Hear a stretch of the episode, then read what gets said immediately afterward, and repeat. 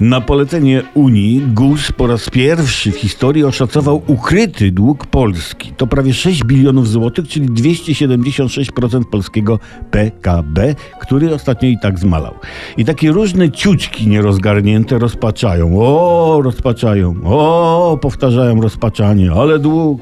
Sypią się obraźliwe inwektywy w formie obelżywych bluzgów na pana premiera. Ty, Pinokio, ty, ty, ty. Ale osoby o głębszym rozeznaniu rzeczywistości, myślące troszeczkę szerzej, sięgające wzrokiem rozumu poza horyzont widnokręgu bieżącego czubka własnego nosa, śmieją się prosto we fryzury ciućków. Bo my, zorientowani, wiemy, że tych 6 bilionów złotych nie będziemy spłacać. Parafrazując taki szmonces, Spłacić można 100 milionów. Jak jakieś państwo jest bardzo lekkomyślne, to może zwrócić miliard. No ale kurde, kwota 6 bilionów jest niespłacalna.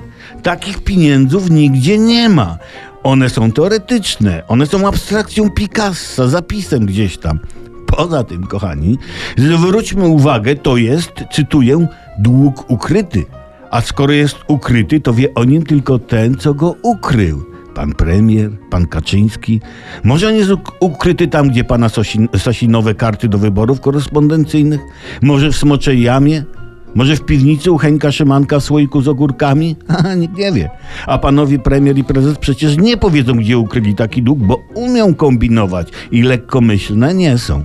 A co najważniejsze, kraj, który ma 6 bilionów długu, jest bardzo bogaty. Nie każde państwo stać na taki dług. Polskę stać. Zatem cieszmy się nieskrępowaną radością, bo jest z czego.